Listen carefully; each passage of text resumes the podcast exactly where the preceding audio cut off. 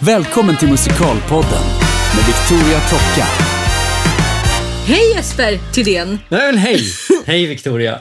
Jag tycker det ska bli jättekul att prata med dig idag i den här podcasten för att vi har ju faktiskt aldrig jobbat ihop även om vi har känt varandra länge. Mm. Stämmer. Så Jesper är, skulle jag vilja säga, en av våra absolut största musikalexporter vi har i Sverige. Oj. Ja. Ja men det är du ju. Alltså du har ju gjort hur mycket som helst fast inte i Sverige utan i de tysktalande länderna framför allt. Mm. Min eh, absolut första fråga eh, som jag tror att både jag och alla andra är intresserade av att veta är ju hur din musikaliska bana Ja, startade. nej, men jag har eh, mamma och pappa som håller på med musik. Eh, mamma som har jobbat med Kulturama är sångpedagog och eh, Ja, och en pappa som sjöng jättemycket i Erik Erikssons kammarkör och, kam- och radiokören. Och, ja, de har, sjöng otroligt mycket när jag var, när jag var liten. Och, eh, så jag kom verkligen från det och fick hänga med på sångläger och romansläger eh, när jag var liten. Och en av de första låtarna jag sjöng var någon tysk romans, Schubert-romans. Åh. Liksom. Muss ich sagen. Ja, så vidare. Så det, det gjorde jag. när- Så jag kom, ja, växte upp med musik kan jag säga. Eh, Ja. verkligen. Och fortsatte sen på Adolf Fredrik. Adolf Fredrik, high five. Ja, där har du också gått. Ser man på. Året under Ja. dig Året under, ja. mm, har vi räknat ut Så nu. det var, det var en... Eh, där kom jag in i körmusiken, körmusikens värld liksom, och fortsatte väldigt mycket på den banan. Vad hade du för musiklärare? Eh, jag hade Gunnel Kyle. Jaha, jag hade Jan-Erik Eleby. Ser man på. Ja, ser man på. så var det. Ja. Mm. Så, eh, nej, och sen sjöng jag med Gary Graden i kammarkören på Kungsholms musikgymnasium och sen började Mm. jag sjunga med Gustaf Sjökvist och sen kom jag in på Musikhögskolan och sjöng i deras vokalensemble och kom slutligen in i Erik Erikssons kammarkör där jag sjöng jättemycket. Så jätte, jättemycket kör, kör, kör, kör i ett kör. Ja. Sjöng jag. Vilket Men var det kul. är ju en otroligt bra grund att stå på, måste man ändå säga. Ja, jag var jätteduktig på att läsa noter. Då. Ja, men, Det, ja, det, det, det, glömmer man bort sen. ja, men också alltså, sjunga mycket och i stämma. Ja. Alltså, det är mycket man Jo, får det är från bra grund. körgrunden. Visst är det det. Liksom. Det är det. Hur kom du in på musikal sen då? Ja, lite av så här bananskal lite grann. Det var två eh, på Musikhögskolan som tyckte jag skulle söka artisten.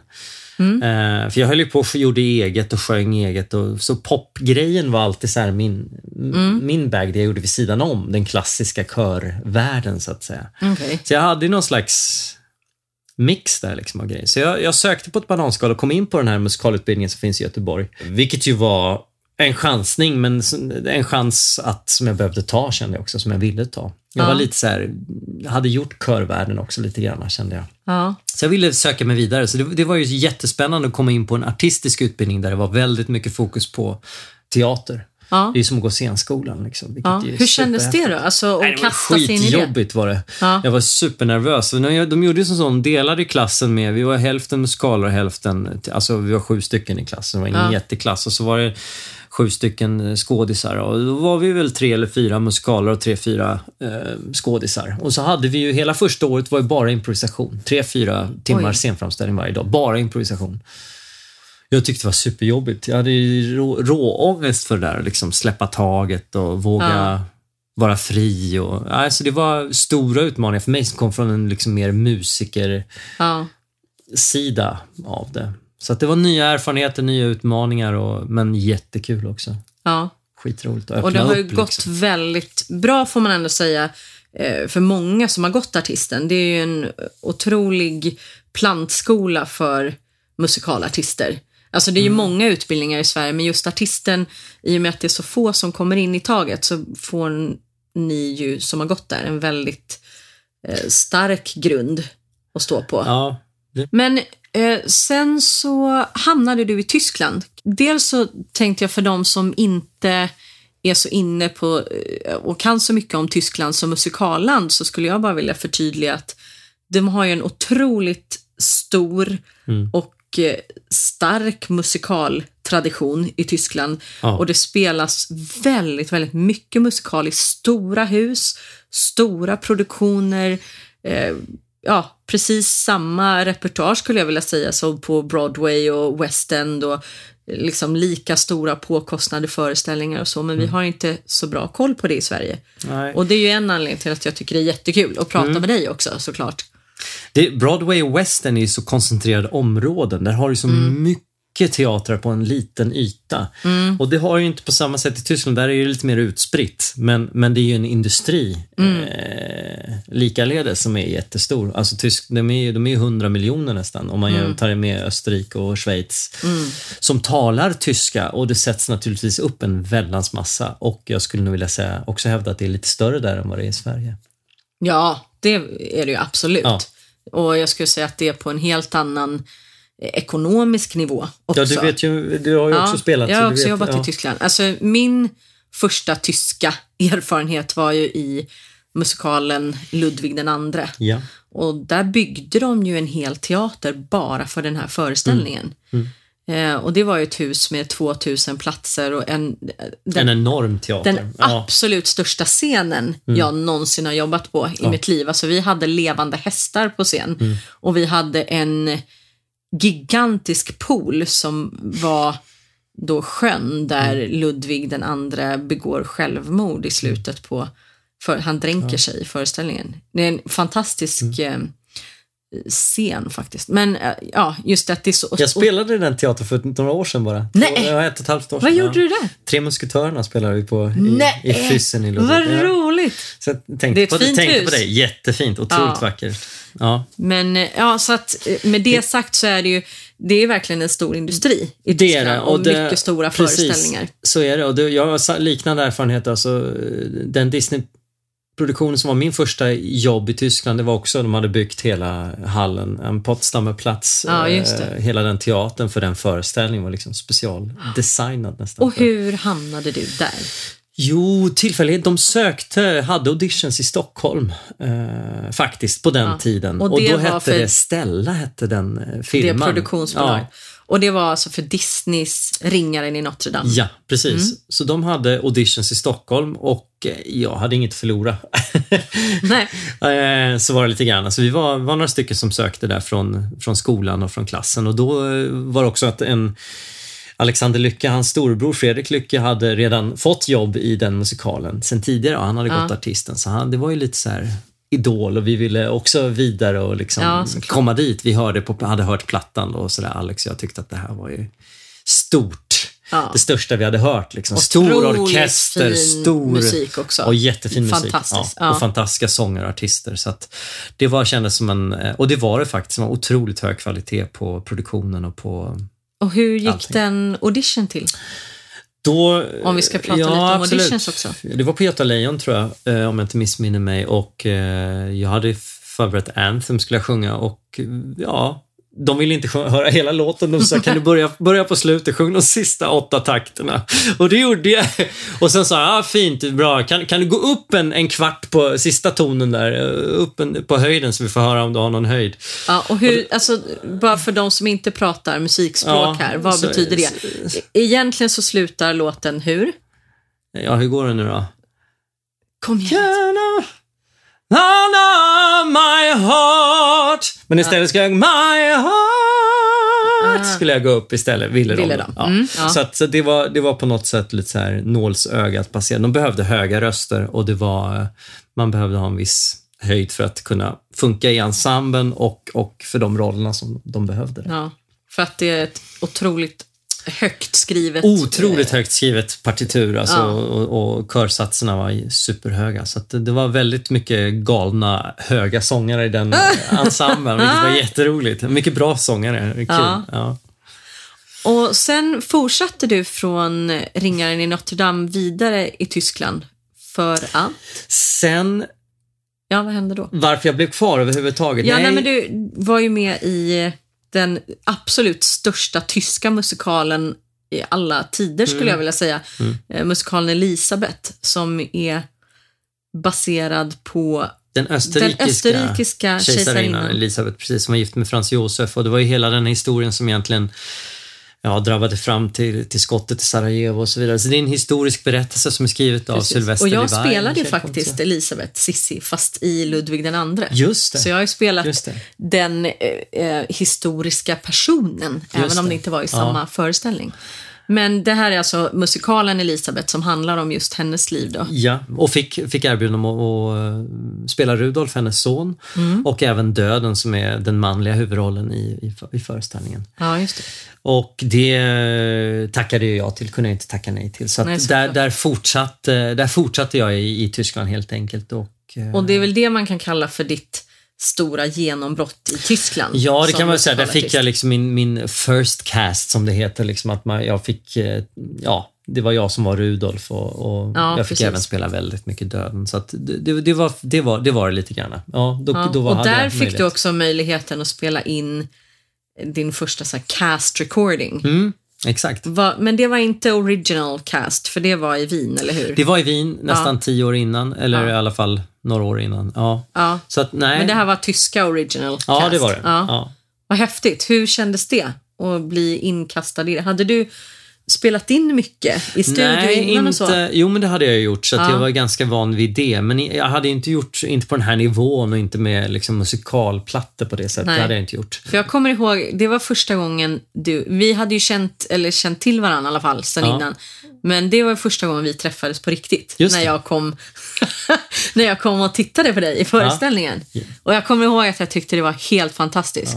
Alltså både föreställningen i sig Mm. och eh, att du gjorde ett otroligt starkt intryck på mig som, Mm. Ja. som nej men, musikalartist. Ja, ja. liksom. Jag tyckte att det var väldigt, väldigt bra. Och, Tack. Ja. Ja, men jättekul. Kul, jo, men det är jag en tror bra att jag ända och- sedan dess faktiskt har liksom önskat mig att få jobba ihop. ja. Så Kul, vad det roligt. känns jättekul att vi ska få göra Now det nu. finally! Yeah! Ja. Ja. Nej, jätte, vad kul. Ja. Vad glad jag blir att höra. Nej, men det, det är en bra föreställning. Jag tänker också de här föreställningar som är skrivna på just originalspråk och görs, Precis. blir ju väldigt mycket bättre, tycker jag. Än, än, än, Nej, men det är ju lite som Tysklands Kristina från Ja. Duvemåla. exakt. Liksom. exakt. Jo, och sen efter Elisabeth så har det egentligen bara rullat på för dig i Tyskland. Nu låter ju det väldigt lätt som att det liksom bara haglar jobb så, Mm. men du blev ju kvar, alltså du har ju varit i Tyskland i tio år och jobbat och gjort i princip alla Ja. stora eh, tenor... Ja, de här, som de här finns. första älskarrollerna höll jag på att Ja, säga. Men, det kan vi också prata om om en liten stund. Men för alla här nu som inte känner Jesper Thydén lika väl som jag gör, kan vi bara liksom rabbla några av de här de, nej, men direkt men- efter Elisabeth så gjorde jag Chris i Miss Saigon. Det var första Ja. Mm. gången det gjordes i Schweiz. 2003. Eh, Så det var jättehäftigt. Eh, Och det var en föreställning som, som blev förlängd och förlängd och förlängd. Därefter fick jag jobb som Tony i Bregenz, vilket är en otroligt stor scen. Tar 7000, Mm. West Side Story. Ja, i West Side Ja. Story. 7000 pers tar den scenen. Och Det är fantastiskt. Wienersymfonikerna kompar i, i, i källardiket. kompar. Ja, så det var häftigt. Wienersymfonikerna kompade mig Ja, lite. Mm. och, eh, så det gjorde jag två år i rad och samtidigt gjorde jag Chris och samtidigt gjorde jag även Rudolf på Teater an der Wien i, i Wien. Vilket ju är en fantastisk gammal teater där eh, Beethoven har, eh, Fidelio uruppfördes. Just det. och- Men nu får du ja, förklara lite. För du säger att du spelade det här liksom samtidigt. Hur funkar det? Dels, alltså jag förstår ju att schemat måste ju naturligtvis funka, men Mm. rent eh, sångar och skådespelarmässigt, är inte det jätte, jättejobbigt att spela tre olika föreställningar och hålla ordning på allt? Eller funkar det bra när man kan grejerna? Ja, eh, hade det, du- fun- nej, men det, fun- det funkade då. Det var inga problem. Det gick bra. Ja. Men, men eh, det, var, det var väl inte så att det var helt... Men, men Miss Saigon och Elisabeth var samtidigt. Sen så var det väl sommaruppehåll på Teatern Ah, okej. och då gjorde jag West, eh, West Side Story. Så, okej. Och så vidare. Så att, nej, men det, det, det gick bra att hålla isär det hela. Jag känner att jag vill utveckla jag vill gärna utveckla den här första älskare. Första älskar, jo men man Grejen. hamnar, eller man, jag, det är ju lätt att musikalvärlden är ju ofta lite så att man hamnar i ett fack på något sätt för, för det, det man gör, det man gör bra och så vidare, det man passar som. Ja, och där har jag du är en verkligen väldigt bra fått göra. första älskare, Nej, helt enkelt. men det vet jag inte. Det får, men i alla fall så har jag gjort många av de, de eh, rollerna. Ja. Sen Chris är en typisk sån och Tony. Och det är många andra grejer. Jag dansar som en kratta också så att jag kunde inte göra någonting annat än Tony. Så var det eller ingenting där. Eh, Ja, i, men du var väl säkert, alltså jag såg det ju inte, men jag kan tänka mig så här, nu ser ju inte ni Jesper just nu, men ni kan ju googla honom och kolla på bilder på nätet. Ja. Men du har ju väldigt mycket den looken också som jag kan tänka mig att man letar efter som producent för den typen av roller. Ja, Annars hade du möjligtvis. inte fått det heller. Nej, så det, det, det bara rullade på där och det, jag blev kvar i Tyskland helt enkelt och Österrike och Schweiz. Och, ja, det pågick ju nästan under en tioårsperiod kan man säga. Ja, precis. Mm. Eh, jag tänkte återkoppla till det här just att musikal är så stort i Tyskland och de tyskspråkiga länderna. Mm.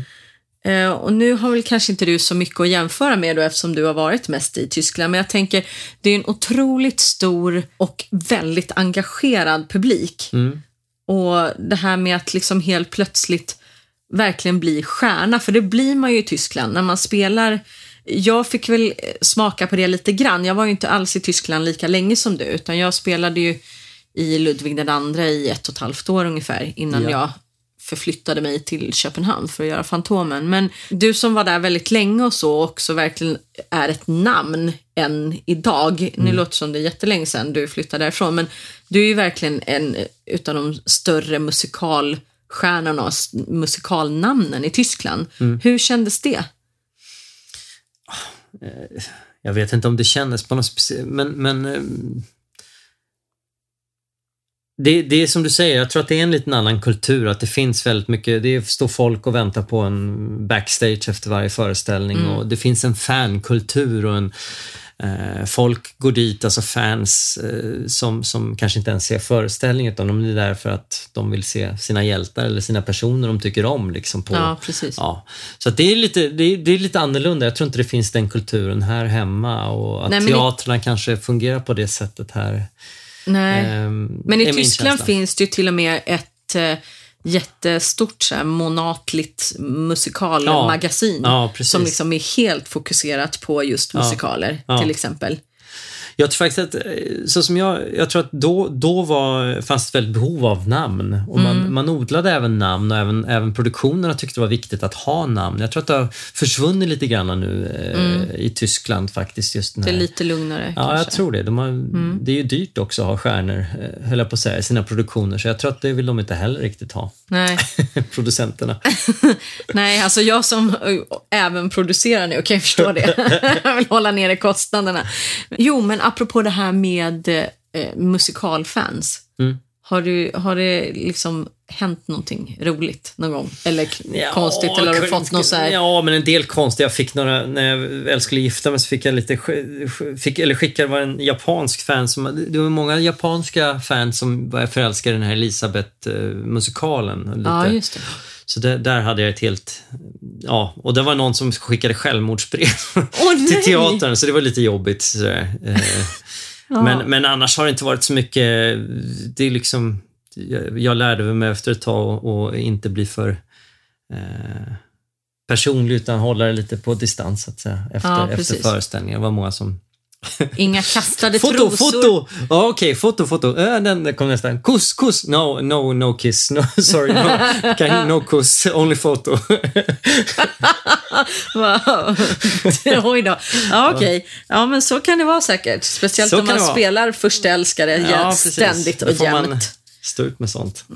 ja, tydligen. Ja, jag hade ju inte riktigt det problemet, även om jag blev faktiskt stalkad i Tyskland utav Okej. en äldre man som blev väldigt förtjust i mig för att jag spelade just då Elisabeth. Okej. Lämnade väldigt ofta så här mycket röda rosor och eh, jättedyra presenter. Okej. Eh, och, eh, så att det var liksom på den nivån att Mm. vi hade vakter på teatern som fick följa med mig till bilen efter föreställningen och så för att jag liksom skulle känna mig trygg. Ja, ja. Inte för att han på något sätt var eh, farlig eller så, men det gick liksom lite Mm. överstyr där kan man väl säga. Ehm, hur förbereder du dig inför nya uppgifter? För en repperiod, det kan ju också variera hur lång repperiod man har och så, men Mm. Oh ja. hur, hur väl förberedd är du innan du liksom ens kommer till första repetitionsdagen? Men det är lite så här, jag fick med mig från, från skolan och eh, med det här att hitta och definiera en, en vilja och en riktning i, i, i mitt sceniska arbete. Att jag försöker lista ut vem det är jag ska spela och vad, vad, vad den här karaktären vill. Ja. Och varför han vill det förstås och vad han gör för att få det han vill. Det är de här klassiska frågorna, vena liksom. Självklart försöker Ja. man ta reda på det i de olika scenerna. Det, det förändrar sig. Så jag, jag försöker eh, helt enkelt hitta, definiera det. Det är ju ett arbete som man håller på med. Man jobbar med texten och jag försöker då hitta förstås knyta an till mitt personliga liv och hitta hur kan jag, Jesper, så att säga, vad har jag del, för de, dela för erfarenheter med den här karaktären? Hur kan jag, för det, det är ju det man har att utgå från, sina egna erfarenheter det. och fantasin. Där försöker jag alltid hitta någon, en personlig twist, någonting som berör mig i mitt liv som jag kan lägga in och förhoppningsvis bli personlig i. Och eh, vad det gäller rent, rent teatermässigt, sen vokalt försöker jag också förstås att närma mig rollen beroende på vad det är. Är det mer klassiskt sång eller är det mer pop-sound som jag söker och så vidare. Så det är ju också någonting som, som jag försöker jobba med och försöka hitta då. Så att, För så att det är ju faktiskt jätteintressant tycker jag, eh, just när man jobbar med musikal. För en av mina missions med just från Broadway till Duvemåla och även stipendiet och Ja. eh, den här podcasten, det är ju att höja folks medvetenhet om musikal, vad det innebär, vilket Mm. eh, jobb vi lägger ner och hur det fungerar, men även höja statusen för Ja. musikal och musikalteater. För jag kan tycka att, eh, jag vet inte om det är bara i Sverige, men eh, att här pratas det väldigt mycket om musikal i negativa termer och som någonting som vem som helst kan göra, vilket jag inte alls tycker är sant. Eh, och någonting som du sa alldeles nyss som jag tyckte var intressant är just det här hur man faktiskt ändrar även sitt sångsätt och sin röst beroende på vilken karaktär man spelar. Och många som kommer från eh, ren pop eller den typen av musik tycker ju att eh, musikalartister ofta är lite opersonliga och att det liksom, medan jag kan tycka att det istället är en otrolig förmåga att kunna använda sitt instrument, alltså rösten, på så många olika sätt att du faktiskt kan förändra rösten för att också skapa eller lyfta och framhäva en karaktär. Ja, ja visst. visst. Och du som också, precis som jag, kommer från en klassisk bakgrund kan man ju säga, Mm. körbakgrund och sådär. Om du tittar på olika roller du har ja, gjort, Ja. hur du liksom har arbetat eh, rent vokalt Mm. med dem. Jag började nog min, min, min yrkesbana väldigt klassiskt. Alltså väldigt lågt struphuvudinställning om man säger så. Och det här struphuvudet eh, sköts nog högre och högre upp ju, ju, ju, ju mer jag jobbade tror jag. Och med, och med också när jag sjöng Moulin Rouge till exempel så tänkte jag att Ewan McGregor som jag spelade i filmen som var lite så här, ja, han sjunger väldigt en sån naturröst, som inte är speciellt skolad men liksom flat out, ganska högt och rätt så bräk, fläker ut det bara. Liksom. Och jag tycker en sån roll ska vara så. Det är, det är en karaktär som är liksom, det är ingen skolad sångare på det, så han ska sjunga från hjärtat och det ska vara. Så, så på så sätt har jag liksom försökt närma mig rollerna. Ja. Det, Hur mycket liksom, har du kunnat materialet utan till innan du kommer till första repetitionsdagen i stort sett? Oftast, oftast, allra oftast. Om jag inte vet att jag har haft tre månaders reptid eh, eller något Ja. sånt för en produktion, då har jag kanske inte kunnat allt. Men annars så är, är det jätteviktigt att vara förberedd. Att, och det, har- det har jag varit, så att jag liksom kan ta regianvisningar och göra någonting av det. Det, det är ju omöjligt om man inte kan materialet. Ja, precis. För det är ju ingenting som står i något kontrakt som är självskrivet innan du får ditt första jobb. Jag tänker nej, om du kommer nej, direkt precis. ut från skolan och får ditt första musikaljobb Ja. så kan man ju lätt tro att ja, men första repetitionsdagen, det är då vi sätter oss ner och liksom första det, gången vi tittar på materialet. Och Ja. så är det ju faktiskt inte. Inte alltid. Det, det är Oftast olika. skulle jag säga att det inte Det är olika hur det där är. Ibland så börjar man att sjunga igenom och så vidare. Men oftast så börjar man på ganska, går det ganska snabbt tillväga och då gäller det att Ja, att man Vara har gjort förberedd. sin Ja. hemläxa helt Ja, enkelt. visst, visst. Kunde du tyska innan du... Nej, inte. Jag hade väl kanske en, en känsla för språket eftersom jag hade sjungit en hel del på tyska och sådär. Men jag hade aldrig läst det. Så, Hur så jag, svårt upplevde du att det var då? Ja, det är ju inte helt, helt enkelt är det ju inte. Men, men eh, nej, och jag hade ju den turen eller lyxen att jag fick jobba med fonetiklärare. Alltså de Ja. hade ju tysklärare som jobbade med oss utlänningar som var i produktionerna. Ja, så det det. hade jag de första åren ganska sådär titt som tätt och sen så eh, första året så pratade vi bara engelska i, inom ensemblen. För Alltså det så är ju mycket- lyx alltså. Jag känner att jag har ju lyckats bli liksom inslängd i så här, ja men mitt första stora jobb utomlands var ju i Tyskland. Ja. Jag kunde inte heller någon tyska Nej. alls. Eh, och blev dessutom liksom inslängd då i en ganska stor roll Mm. på en gång. Eh, och eh, ja, vi hade, jag hade väl i och för sig hjälp med eh, fonetiken, så här, men inte direkt någon återkommande, Återkommande tid tid varje eller vecka. Nej, eller varje nej. dag eller sådär. Utan det var liksom, och de pratade bara tyska Ja, hela tiden. Vilket i och för sig var väldigt bra därför att Alltså jag pratade ju flytande tyska efter tre Mm. månader ungefär. Men det var ju verkligen liksom första veckorna var jag, hade jag ju nästan panik. Så, Ja, alltså, ja. Ja, men det visst, var ju visst, bara att liksom Mm. gilla läget och, och köra på. Och sen hamnade jag i samma situation fast nästan ännu värre när jag fick I- i Phantom. Ja. För då ska jag sjunga eh, ja, Phantom of the Opera på Dansk. danska, på dansk. Yeah. Och eh, då kommer jag ihåg, då hade jag fått ja, partituret och allt det här och inte jättelång tid i förväg, en månad innan kanske. Och så hade de skickat, på den tiden, låt som vi är urgamla Mm. nu, men så hade jag fått ett kassettband där de hade läst in alla, Ah, okej. allting Ja, på danska så att jag skulle kunna sitta och lyssna på det och så. Men där hade jag egentligen fyra, fem veckors reptid i alla fall inskrivet i kontraktet. Men sen när jag väl kom dit så visade sig att hon som spelade, för jag hoppade ju också in efter att de hade redan spelat ett år, så att hon som hade spelat Kristin innan mig, som skulle sluta, hon behövde helt plötsligt sluta mycket tidigare. Så att jag blev tillfrågad första dagen jag kom till teatern om jag kunde ha premiär efter tio dagar. Mm. Så jag hade tio Oj, dagar ja. på mig Ja, att är lära mig mycket. hela den rollen på danska. Alltså nu hade jag som sagt, jag hade ju förberett mig, men ändå. Mm. Eh, Så att, eh, och där hade jag ju ingen hjälp mer än det här kassettbandet. Nej, nej, nej. Och liksom, sen var det bara att köra på Nej, men det är en repetitionerna. lyx att ha, få jobba med, med fonetiklärare och, och, och jobba med... Så är det. Det, det tror jag inte finns kvar idag på samma sätt alls. Utan, Nej. Eh. Men då var det ju ganska vanligt att de letade efter musikalartister utomlands. absolut. Det var det. Ja. Det, var det. Hur funkar det idag? Nej, men idag det har det har kommit upp, poppat upp så mycket skolor och eh, det har blivit ett mer populärt yrke också. Men vi har ju ett helt gäng svenskar faktiskt. Absolut, som många jobbar duktiga. i Ja. Tyskland. Anna Thorén, Petter Bjällö. Det Visst, säkert- Anton ja, Zetterholm och Mattias Edenborn. Edenborn. Ja, exakt. Ja, Anton. Fredrik Wickertz. Just det. Eh, Johan Samuelsson Ja. också. Mm. Men eh, roligt med Anton där som Mm. har tagit vägen via Tyskland eh, till West End och nu är tillbaks i Just det. Stockholm, i Fantomen. Ja, ja. Mm, så det är jättekul.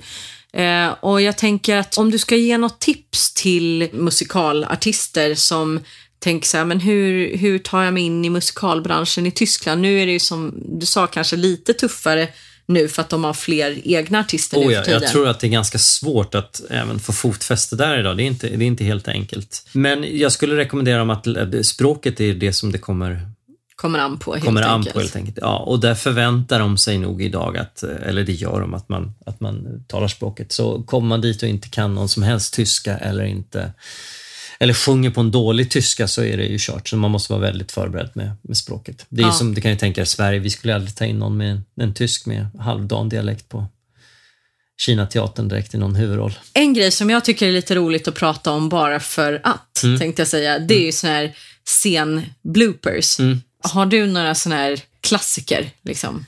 Nej, men jag, har- jag, har- det, är många, det är för många för att börja. Jag många, många jag kommer, jag kommer aldrig glömma heller. Jag skulle skoja med Fredrik Lycke också. Han hade sin sista, eller jag hade min sista. Jag kommer inte ihåg hur det var där. Men, I? Du vet, i Ringen från Notre Dame. Jag satte på mig något stort skägg och skulle gå in på scen och skoja med honom då. Och vi hade sån rolig tysk text tyckte vi. Det var, eh, jag skulle säga, zum Anbeißen die Kleine, nicht wahr, Herr Hauptmann? Eh, Som betyder? Ja, henne kan man väl... Eh, att hon är snygg, att hon är Ja. snygg, den här Esmeralda som jag kom Ja. in med då. Eh, och vi, vi tyckte det var så himla, så himla roligt. Men det var ju slut med att jag skrattade hela tiden och eh, Fredrik skrattade inte alls. Eh, var- totalt. jag är värdelös på att skämta med grejer. Alltså. Ja, är dåligt. För det är ju lite en klassiker så här i, jag vet inte hur det är i ren talteater så här, men i musikalkretsar så, här, så är det i alla fall en liten klassiker att man skämtar med varandra, speciellt på sista föreställningen, ja, att ja. då händer det ju grejer Det kan man ofta. göra. Ja, jag, brukar inte, jag brukar inte göra det längre, men, men det, det fanns väl lite sån, då tyckte jag det var kul i alla fall. Ja. Eller vad har hänt mer? Jag råkade smälla till en kompis kollega på Lilla John i Robin Hood också på näsan. Bump, mitt i en svärdsscen. Det var lite svårt att spela vidare då alltså. När näsan blödde och han skulle försöka prata vidare. Så säger men vi, kör, vi körde på. Det är, Ja. det är bara att köra. Ja. Nej, så många sådana där. Jag, ja, och lite olyckor sådär. så Det, det får man ju också. Ja, men sånt del- händer. ja. Jag stukade, alltså jag, Stuka jag stukade, ja, stukade, alltså jag trodde jag hade brutit fingret Ja. faktiskt. Eh, I, i slutscenen i, i Fantomen. Ja, Eh, och ja, ja, ja. Men fick liksom fortsätta sjunga. Jag hade så jävla ont. Ja, Ursäkta det är att jag inte- svär, men jag hade så fruktansvärt ont. Och, och alltså, du vet, så, här, så att tårarna bara rinner Mm. för att du kan liksom inte hejda dig för att du gör så. Så att det var ju väldigt verklighetstroget hela Ja. Final Lair där när jag liksom sjöng slash grät mig igenom den scenen. Mitt stackars finger fick åka direkt till akuten efteråt. Det var bara en stukning, men sen fick jag liksom spela med så här, tejpad hand i flera veckor efter det. men sånt kommer jag ihåg. ja. Men som sagt, det händer ju Det händer grejer. Ja, så- så saker är det alltid, ofta det- mm. också, skulle jag vilja säga, som man får ta sig igenom. Men eh, nu har du flyttat hem till Sverige. Ja. Mm. Ja, det kändes... Eh, det är ju, kan ju vara både glamoröst och väldigt men mestadels är det väldigt oglamoröst yrke. Det är det ju verkligen. Mm. Eh, och lite sena liv över det hela. Att man alltid ska ta sig dit jobben är och, och bo i nya städer och så vidare. Och det var ju jättehäftigt under en lång tid, men sen så avtar vi kanske lite den glansen också. Vi, ja, men det känns bra. Nu känns det efter nu har jag en dotter som ska börja skolan här nästa vecka så att eh, nu, roligt. nu så känns det som jag har landat lite grann också här, här hemma.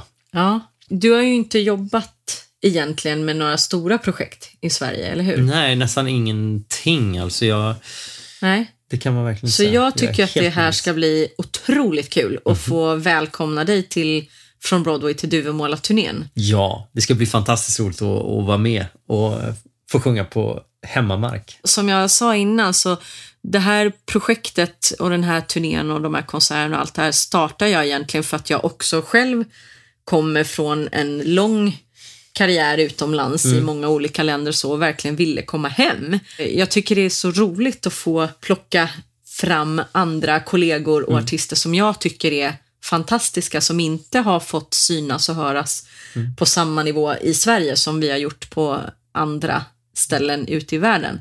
Så att jag tycker det ska bli jättekul att få presentera Jesper Thydén för den svenska publiken. Ja, vad roligt. Ja, och äntligen får vi jobba ihop. Ja, det, ska bli superkul. Så himla ja. kul. Och vi hoppas att alla som lyssnar på den här glada podcasten eh, kommer och tittar Mm. Ja. också. Gör det. Tack så jättemycket Ja. Jesper Thydén för den här fina intervjun. Tack själv, Victoria. Musikalpodden med Victoria Tocka.